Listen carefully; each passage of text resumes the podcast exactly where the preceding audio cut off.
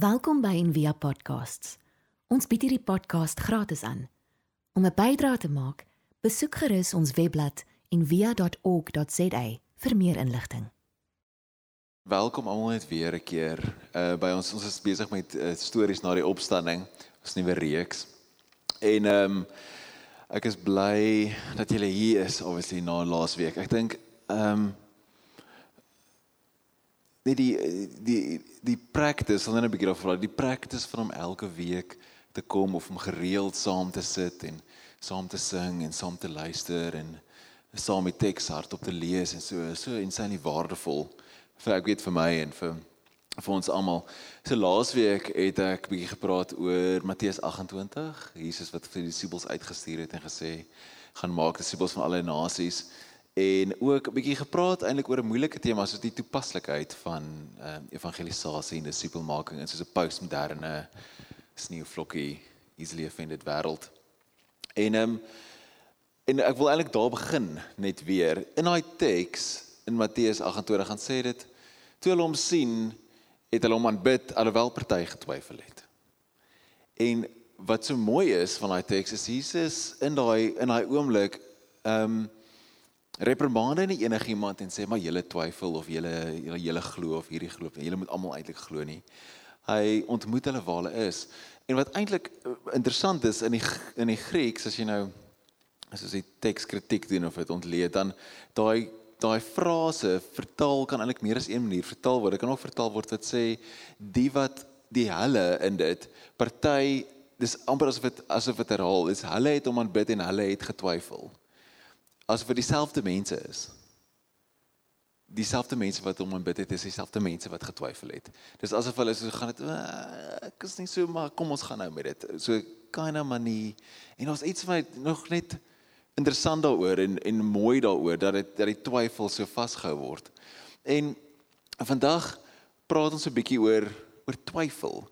En twyfel is 'n vreemde ding, is iets wat baie van ons wat in die kerk groot geword het of so, is dit soos soos sonde nommer 1 as jy twyfel. Jy mag nie twyfel nie nie. Jy moet seker wees. Jy moet geloofsekerheid hê. En dan het ons 'n paar teksies gehad wat gesê het, maar hierdie teksie sê dat jy moet seker wees. En dan sê vir my, ja, maar ek is nie. Dit is ja nee, maar die teksie sê jy is seker. So dis moeilik, 'n moeilike topik, maar twyfel het ook 'n 'n gift in dit in daar's iets wat dit vir ons bring wat belangrik is. En ek dink ek en ek dink en ek baie mense sal by saamstem is dat twyfel vorm soos 'n baie gesonde deel van geloof eintlik. Dit wys dat dat ons geloof eintlik iets is wat lewe en wat bestaan, iets wat ons oordink en iets wat ons oor diep reflekteer. Want ek dink baie keer mense wat nie twyfel nie of glad nie twyfel nie of verskriklik seker is, sal ek baie keer raai is jou geloof of jou jou spiritualiteit is heeltemal geëksternaliseer. Dit is heeltemal bestaan heeltemal buite jouself. Dis nie iets wat jy al eintlik oor nagedink het of eintlik oor gewonder het nie. Maar die dag as jy begin wonder daaroor, die dag as jy begin dink daaroor, dan is twyfel al 'n natuurlike deel daarvan. So wat is twyfel in essence? Twyfel is wanneer ons iets wat ons gedink het die waarheid is, ewe skielik oor begin wonder. En dink, "Maar hoor, is hierdie nou eintlik regtig so?" Is dit nou eintlik soos my ma my vertel het of soos die dominee gesê het? Is dit nou eintlik so? En Liter ons seentjie is nou dag gesê so hy hy hy sê vir my hy's bietjie kwaad vir ons. Want ons het vir hom gesê die Paashaas is regtig. nee. En ook Kersvader. So ons het twee keer vir hom gejok. Ons ek sê wel, dis dis ek begin hoek gedryf en ek sê eh, wel dit was van om te dit te glo. Hy sê ja, maar nou is dit weg. En hy sukkel so 'n bietjie met hierdie ding. Op 'n weird manier is dit dieselfde. Was dit, dit dis wanneer jou wanneer jou prentjie breek van hoe die wêreld is. So ons praat in die week praat ek met 'n vriend van my wat 'n 'n CEO was in 'n maatskappy en hy sê wat eintlik so 'n maatskappy so wonderlik maak is al wat jy moet doen is jy moet seker maak alles hardloop presies reg die hele tyd. Jy spandeer so min as moontlik geld op alles en al die stelsels hardloop so vlot as moontlik. Dan kan jy die meeste profijt maak, né? Dit is baie eenvoudige wiskunde maak hom smooth. Geen disruption, nê? Nee? Alles perfek, alles in orde. En dan en dan en dan lyk dit wanneer dit so hardloop sit lekker en dan maak jy lekker geld. En dan lyk dit asof hierdie traject net so vir altyd gaan aanhou, net so in die hemel in eintlik op en op en op. Maar dan wat gebeur is iets gebeur soos soos in mense huis. Jou huis is mooi en alles is reg en netjies en alles is gepolish en ewe skielik laat val iemand 'n tafel of 'n stoel en daar stamp 'n gat in die vloer. Jy sien as jy mooi kyk in hierdie gat, kom jy eintlik agter oom hierdie hout is eintlik vrot. Of jy iemand sit 'n lig aan in die lig neek uit die venster uit, jy kom agter o, heerlikheid, eintlik al hierdie bedrading moet eintlik vervang word. Of die kraan wil nie so lekker werk nie, of iemand breek iets en eintlik kom jy agter die hele ding is eintlik stukkend. En op 'n op 'n weird manier is dit wanneer jy begin betwyfel wat eintlik aan die gang is. Jy begin jou so 'n prentjie van Jesus begin jy betwyfel. So ons almal het verskillende ek het so 'n paar ek hou van om prentjies van Jesus so mekaar te maak.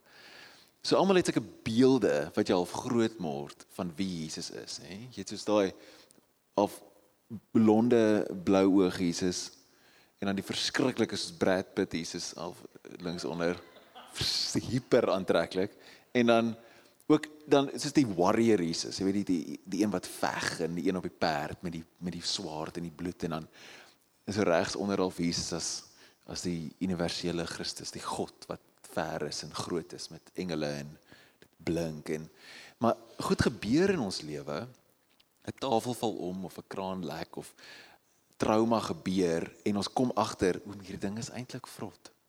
Hierdie prentjie is eintlik vrot. Soos ons lewe word disrupt en goed hardloop nie meer so maklik nie. En jy kom agteroor in my hierdie traject gaan nou nie net meer so maklik in die hemel in hierdie hele ding wat ek gedink het alles is fine en alles is reg is nie eintlik nie. En dit gebeur met ons almal en 'n vriende van ons, van 'n familie. Hulle het lank probeer swanger word, lank, so 4, 5 jaar. En toe word hulle wonderbewonder swanger en hulle is altyd diep gelowige mense, diep lief vir Here en dit was hierdie wonderwerk baba. Dit die hele familie is opgewonde. Niemand het gedink dit gaan gebeur nie. Dit is amazing. En dit was soos 'n textbook swangerskap. Alles was perfek. Net niks foute, geen indikasie, alles was fyn. En toe hierso op so 26 weke, toe gaan sy in kraam in en toe word die seentjie gebore. En toe het die seentjie vir 3 dae geleef. En toe was ons was nou dag by die begrafnis, was 'n paar maande terug en dit is hulle is shattered. Hulle lewe het heeltemal uitmekaar uitgeval. En dis sulke events en sulke goed wat ewe skielik disrupt dit hierdie prentjie van wie jy gedink het of wie ons gedink het God is of wie Jesus is. En dit val uitmekaar uit en dan en ons het nou maar maar wat maar wat nou? Wat doen ons nou? Wat doen jy as jou prentjie nou gebreek het? As jy nou agtergekom het maar ons eintlik die dak is eintlik vrot of al die drade moet eintlik vervang word of wat ook al dit is. Wat doen jy dan? En ons tipiese reaksie as mense is is om te amper retreat terug in sekerheid in, nê? Nee? Ons sal so half double up en sê nee, dit is nie dit is kom ons sing net harder, nê? Nee? Ons doen soos ons ons ignoreer dit net en ons sing net al hoe harder en ons sê net aan dit Simon as jy by ehm um, onderskeidingstyd werk gaan hy noem dit die, die haleluja effek. Is iets erg gebeur? Geen nee, haleluja, haleluja. Ek ignore ignore dit net en sing net harder. Of gaan net terug en word meer fundamentalisties. En sê o, maar ek moes dan iets verkeerd gedoen het. Daar was 'n reël, ek moes iets verkeerd gedoen het. So nou, wat van dit? Wat van dit hierdie ding? En ons doen dit as as mense wat ons op 'n manier ons breine soek ook weer daai veiligheid. Ons soek af daai daai daai daai sekuriteit. En ons chat onsself so in 'n ding in, nê? Nee? Ek kan baie keer as jy 'n paartjie sien baie op Instagram post. Iemand het 'n studie gedoen oor dit. Die hoeveelheid keer wat mense couple foto's op Instagram post, is direk eweneredig aan hoe ongelukkig hulle verhouding actually is. Want jy probeer jouself oortuig dat dit is fyn. Kyk hoe gelukkig is ons op Instagram. So ons moet fyn wees. So omdat ek altyd 'n couple sien wat so baie post en ek sê, "O, oh, is alles reg by die huis?" Nee of daai couples wat 'n gedeelde Facebook account het sy sê ah wie het gecheat nee maar ehm um, maar dis ek ek meen dis klassiek en of of wat ons doen ons gebly ons gebruik baie keer geloof Pieter Rollins praat ook baie oor hy sê ons gebruik om ons twyfel te probeer stil kry gebruik ons die kerk en geloof as 'n tipe pacifier as 'n security blanket Om te sê maar al daai mense, die mense by die kerk glo, nê? Nee, so dit moet fyn wees. Nee, die dominee glo of die pastoor glo, wie ek al voor staan, hulle glo Frida wat daar sing, sy sy weet, so dis oké. Okay. En dan so en dan avoid ons eintlik die twyfel. En en ons ons ons vermy eintlik dit wat twyfel vir ons kan bring. Want twyfel wys dat jou geloof is lewendig. Peter Rollins, die Ierse filosoof, hy sê to believe is human, to doubt divine. Hè? Want mense sal enigiets glo. Jy hoef nie dan enige politieke rally te gaan die laaste tyd. Mense sal enigiets glo. Geef hulle net 'n T-shirt. Mense sal enigiets glo. En as ons kinders ook is, hè. Jy vertel van die Paashaas en Kersvader en hulle dink dit is die amazingste ding ever. En baie kere kan jy al lank al sien hoor, maar dit is ouma wat eintlik die baard aan het, maar hulle glo dit nog steeds. Want ons wil Ons wil die beste glo en ons wil glo. Ons wil net iets glo. Ons hou nie van onsekerheid en twyfel nie. So om te twyfel is eintlik om verby jou menslikheid te gaan en iets aan te raak aan dit wat heilig is. Soos Pieter Allen sê. En twyfel kan iets wees wat wat baie gesond is. So twyfel is gesond presies wanneer ons in ons beeld in daai prentjie van God dit begin betwyfel. Weet wanneer jy dink hierdie prentjie wat ek vir myself opgemaak het of hierdie prentjie wat ek by die kerk gekry het of hierdie prentjie wat ek uit hierdie boeke uitgekry het, hierdie ding dit klop nou nie meer nie, dit werk nou nie meer nie. En dit is gesond om dit te betwyfel. En dit is gesond om te gaan, hoorie, maar is dit regtig so? Dis regtig soos wat mense vir my gesê het. En dis dis amper baie keer is dit helpvol om twee verskillende woorde te gebruik. Dis hy twyfel en en vra. Om vra te hê oor oor God en oor Jesus en oor die kerk en oor redding en oor al hierdie goeders wat ons hoor die hele tyd. En om daai vra dan te vra. Want God is groot genoeg om ons vrae te kan vashou. Jou vrae maak nie vir hom bang nie en om dit na na hom toe te bring en in 'n authentic manier in 'n in 'n regte en 'n reëel manier. Soos daai beautiful ding van Rachel Held Evans wat die vuil was goed gebed wat sê hier is ek met al my staf en al my twyfel en ek weet nie regtig hierdie ding werk nie maar maar ek is hier. En dis 'n groot verskil tussen wanneer dit gesond is en ongesond is. Dit sê ek twyfel maar ek is nog steeds hier. En ek daag nog steeds op. En my prentjie van God maak nie meer vir my sin nie en ek verstaan nie en ek dink almal het gelieg, maar ek is nog steeds hier. Dis healthy. Dis gesonde twyfel. En soos Dawid wat in die Psalm skryf, wat so eerlik is as hy skryf. Is daai Psalm 88 sê vir my gunstelings of een van die mooiste is dit sê dit voel of my kop onder die water gedruk word. My moeilikheid omsingel my. U laat almal wat vir my omgee die rug vir my keer. Hulle gaan staan ver weg van my. My enigste geselskap is die donker skaduwees van die dood. En selfs Jesus in Lukas 22 in die tuin van Getsemane wat sê hy het intense angs beleef. En Jesus het nog ernstiger gebid. Sy sweet het soos druppels bloed geword wat op die grond drup. En daai oomblik van twyfel wat Jesus self beleef het as ons 'n twyfel kan noem wat sê, maar is wat is hierdie die regte? Is dit regtig dit? Is hom nie iets anders nie. Is jy seker dat dit is wat ek moet doen?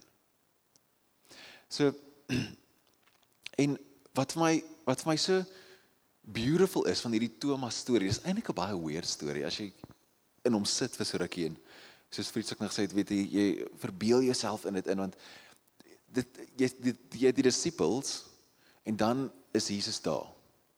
Dan jy weer die disippels, maar Thomas is nie daar nie. Dan jy weer die disippels, maar dan's dan's Thomas daar, maar dan's Jesus nie daar nie. En dan jy weer almal bymekaar, dan's almal daar. En dan sê Jesus vir hulle, dan sê hy vir Thomas, kom steek jou vinger in my sy, nê? Maar nou kan jy imagine wat het die res van die disippels gedink wat daar sit? Waar staan en gesê, oh, hy het gehoor wat gesê, hy was eintlik nog die heeltyd hier. Dis eintlik soos 'n massive dis eintlik wat daai teks doen, dit is soos 'n massive openbaring van Jesus se alomteenwoordigheid wat hy die heeltyd eintlik daar was.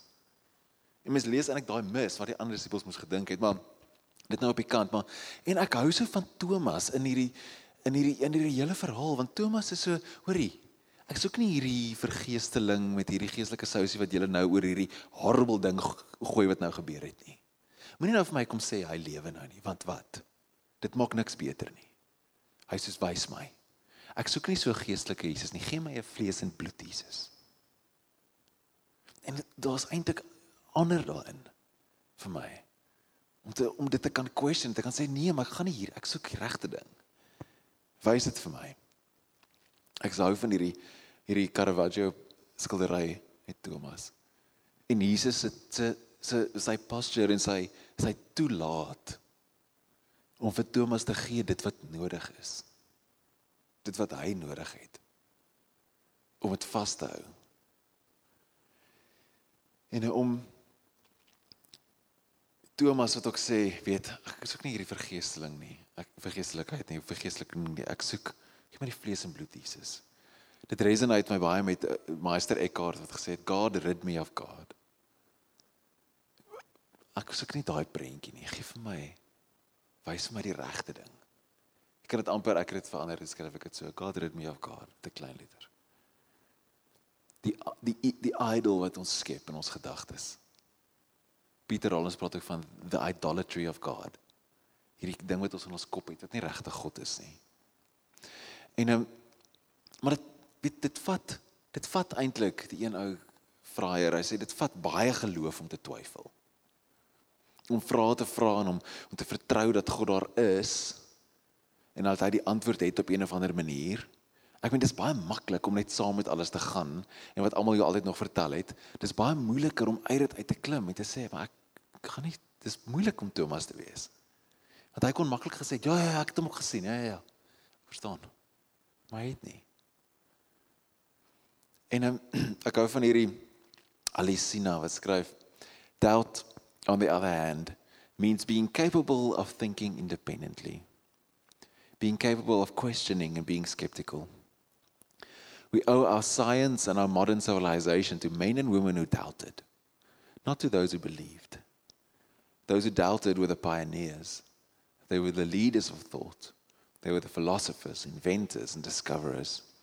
But those who believed and lived and died as followers and gave little or no contribution to the advancement of science and human understanding. Twyfel is is ongesond kan ook ongesond wees. Want ek dink baie keer in 'n postmoderne samelewing of kan ons kan ons twyfel romantiseer. En veral in so 'n sneeuvlokkie wêreld. Is dit dis dis cool of fashionable om nie te weet nie. En daar's iets daarin wat nie gesond is nie. Want om te twyfel, om regtig te twyfel, is traumaties. Dit ruk jou hele wêreld uitmekaar uit. En jy wil so vinnig as moontlik daar uitkom. Dis nie 'n dis nie 'n plek waar jy wil bly nie. Dis nie waar jy sit nie. En mens moet met dit met dit deel meen selfs selfs Thomas, die die storie van Thomas gaan aan nadat hy Jesus gesien het en opgestaan het, het hy Indië toe gegaan en het hy die evangelie daar verkondig en was hy op die ouene 'n martelaar. Hy het nie aangehou nie. Hy het met dit gedeel. En toe dit klaar is, toe hou hy aan lewe en toe gaan hy aan en toe gaan hy voort en verkondig die evangelie. So hoe hoe gaan mens om met dit? So hoe wat doen jy nou as jy twyfel? As jy nou nie moet die haleluja ding doen nie en as jy nie net moet bly sit in dit nie. Is wat dan? As jy nou prakties moet raak, hoe doen mens dit? En dink vir my die eerste ding is om eenvoudig jou kop te gebruik. En krities te dink. Ek het al soveel keer met mense gesit dan praat hulle oor iets wat hulle oor wonder oor die Bybel en waar dit vandaan kom of oor God of oor Jesus en al sulke goed en baie dis nie jy sal dit nie glo nie nê maar jy's die eerste mens wat hierdie vraag vra nie Daar's al baie mense wat baie slimmer is as ek en jy wat dit al gevra het en daaroor gedink het en hulle antwoorde neergeskryf het. So dit is amper vir my soos 80 90% van die keer is dit sorry, gaan lees net 'n boek. Gaan soek net, gaan vra net. En dan is daar 'n antwoord. En gaan dink net 'n bietjie krities daaroor. Dan dan is die twyfel nie meer daar nie, dan het jy die antwoord. Dis wat is die eerste ding en die, die tweede ding, ek dink om om in om in gemeenskap te bly. Dis wat ek aan die begin gesê het om te sê soos Rachel al Evans gesê het, weet dag op. om as jy twyfel, selfs al twyfel jy oor God self, is die be die slegste ding wat jy kan doen is om uit gemeenskap uit te gaan. Want gemeenskappe is veronderstel om daai te kan hou. Om die container te kan wees wat jou twyfel kan vat en kan hou. Om saam te wees binne in die misterie. Chris Heerts, ek kyk so 'n video van hom in die week te sê, there's something beautiful in wandering together. Om saam te wonder. En toe, ek het hom verkeerd gehoor toe ek die video lees, want ek het gedog hy sê wandering soos om saam te stap en te wandel. Dis ook om beide is mooi. Dis mooi om saam te wees en om deel te wees van 'n gemeenskap wat dit saam probeer uitfigure. Ons 'n storie, een van my gunsteling stories van 'n 'n holy man of 'n predikant of wat ook al wat in koffieshops geteach het. En die vir jare en jare en jare. En toe eendag toe vra iemand vir hom, "Maar hoe, maar hoe is jy so seker? Hoe het jy so naby aan God gekom?" Waar hoe het jy hierdie heiligheid aangeraak? Toe sê hy, "O, dis oor wat in my Bybel is."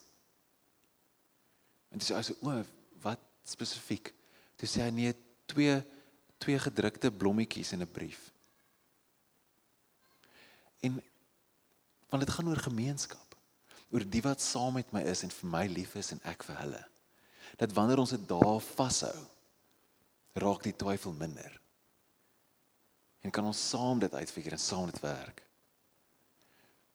Want weet God is goed. Dit is eenvoudig. Ek het vanoggend na 'n preek gaan luister. Ek het ook nodig dat mense vir my preek. En uh die ouetjie se preek was so, ek sê ouetjie want hy was 'n jeugpastoor, maar hy se preek was so oud, was so oulik. En so eenvoudig. En dit het gegaan oor God is goed. En dit is eintlik al wat hy gesê het die hele tyd. Hy het nie eintlik regtig iets mooi verduidelik nie, maar net die hele tyd gesê God is goed. Moet onthou God is goed. Sê ek jou onthou God is goed. En ek dink dis dis in daai in daai eenvoud van om te weet dat God lief is vir jou is wanneer jy die twyfel oor wat ook al selfs die twyfel oor sy bestaan binne in dit vashou binne in 'n gemeenskap wanneer daar berusting kom. Wanneer daar vrede kom op mense om dit so te kan vashou en binne in te kan in te kan rus selfs in die absurditeit. Want dit is waar God bly. In 'n kind wat oorlede is in 'n besigheid wat nie gewerk het nie en 'n huwelik wat uitmekaar het geval het in wat ook al is God is binne in daai absurditeit en van die filosowe of die teoloog sê ook dat om om te probeer betekenis gee aan trauma is nutteloos en eintlik sacrilegious Want trauma is absurd. En party goed het nie meaning nie. Maar God is nog steeds in dit. Die een ou gebruik 'n voorbeeld. Hy sê vir ons om vir enigiemand om te probeer betekenis gee aan iets so verskriklik soos die Holocaust of soos die wêreldoorlog. Dis verregaande. Niemand van ons sal dit eers probeer doen en probeer aandurf en te sê, weet jy wat? Die Holocaust het eintlik beteken sodat die Joodse mense regtig beter mense kan word. Dit is nie nee. Niemand sal dit sê nie. Om meaning daaraan te gee is eintlik om die hele ding dan te ontken. En die een teoloog het vers sê die kruis was 'n absurditeit. Dit het geen meaning nie. Die mens wat die beste mens was nog ooit, het die wreedste dood gesterf nog ooit. Dis absurd. Maar God is in dit op 'n manier wat ons nie kan verstaan nie, manier wat ons kan vashou nie. En is om by daai uit te kom. En dis 'n geskenk wat stilte ook vir ons gee. Om wanneer ons twyfel en wanneer ons wonder, nog steeds net te gaan sit.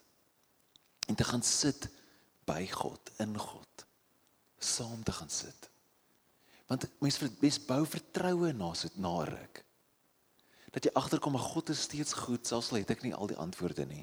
God is steeds teenwoordig selfs in hierdie absurditeit. Selfs al verstaan ek dit nie. En gaan dit nooit verstaan nie as hy nog steeds daar. Om daai vertroue te kweek. Dallas Willard sê generally it is much more important to cultivate the quiet inward space of a constant listening than to always be approaching God for specific direction. En so twyfel mens minder. En raak die vrae ook minder van die vertroue word meer. Omdat jy net by God sit en net by hom wees. Een van die mooiste tekste vir my in die in die ehm um, in die in die Bybel seker of die Nuwe Testament val is die Jesus wat praat oor die mosterdsaadjie. En ons kan daai teks baie keer so gebruik as as een van daai mense mee te slaan en sê sien jy moet glo man. Het jy nie eers soveel geloof so mosterdsaadjie nie? As jy net soveel gehad het kon jy die berg skuif. Kyk jy kan niks doen nie. Maar daai is 'n genade teks. Dis Jesus wat sê selfs so bietjie soos 'n mosterdsaadjie. Selfs net so bietjie is genoeg.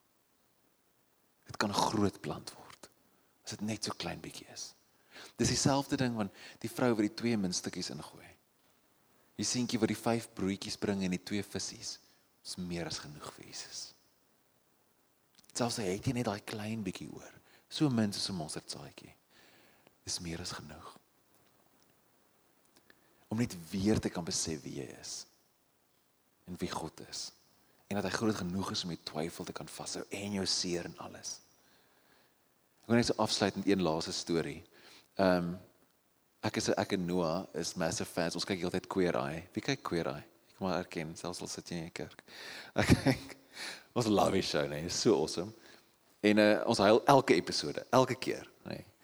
En uh, daar's eene wat hulle na 'n klein dorpie toe gaan en so hier super ironies die dorpie se naam in Amerika is Gay en ek die dorpie se naam is G A Y. En uh, daar's een scene wat so mooi is. Die een ou, ek het nou sy naam vergeet. Die ou wat die interieurs doen. Wie kan onthou wat sê? Anyway. En hy wil nie hy weier om in die kerk in te gaan. Want die hele show gaan oor die tannie wat so heavy in die kerk betrokke is en haar seun. En haar seun kry nou die makeover. Vir wie wat nie weet nie dis 'n makeover show. En uh, haar seun kry die makeover. En die een ou was vyf ouens wat die makeover nou doen. En die een ou weier om in die kerk in te gaan. Hy flat uit weier nê want God kan nie bestaan nie kan nie wees nie. Die hele ding val uitmekaar uit nê en hoe daai vrou met hom praat dis soos hierdie groot African American kerk tannie wat hom vat en sy hande vashou en sê God loves you. You are his son. En hom dit vashou ten spyte van sy seer en sy kwaad en sy vrae en al sulke goed. En hoe daai en hy sien, ek kan net sien hoe net daai woorde, God is goed en hy's lief vir jou. Hy is sy seun.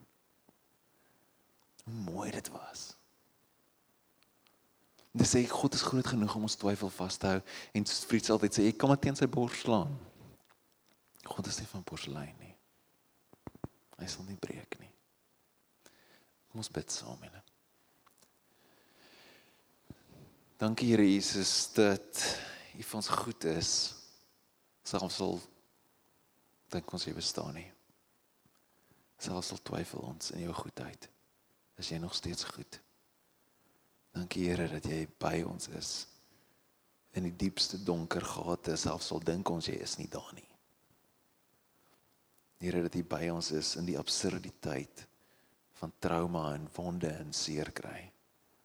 Selfs al voel ons alleen. Dankie dat selfs net 'n ou klein mosterdsaadjie meer as genoeg is vir jou.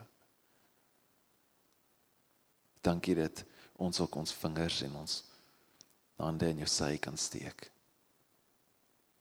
dat U ons toelaat en dat U ons ontvang selfs al twyfel ons en glo gelyk. Dankie dat U saam met ons is. Amen. Ons hoop van harte jy het hierdie podcast geniet of raadsaam gevind. Besoek gerus en via.ok.za vir meer inligting.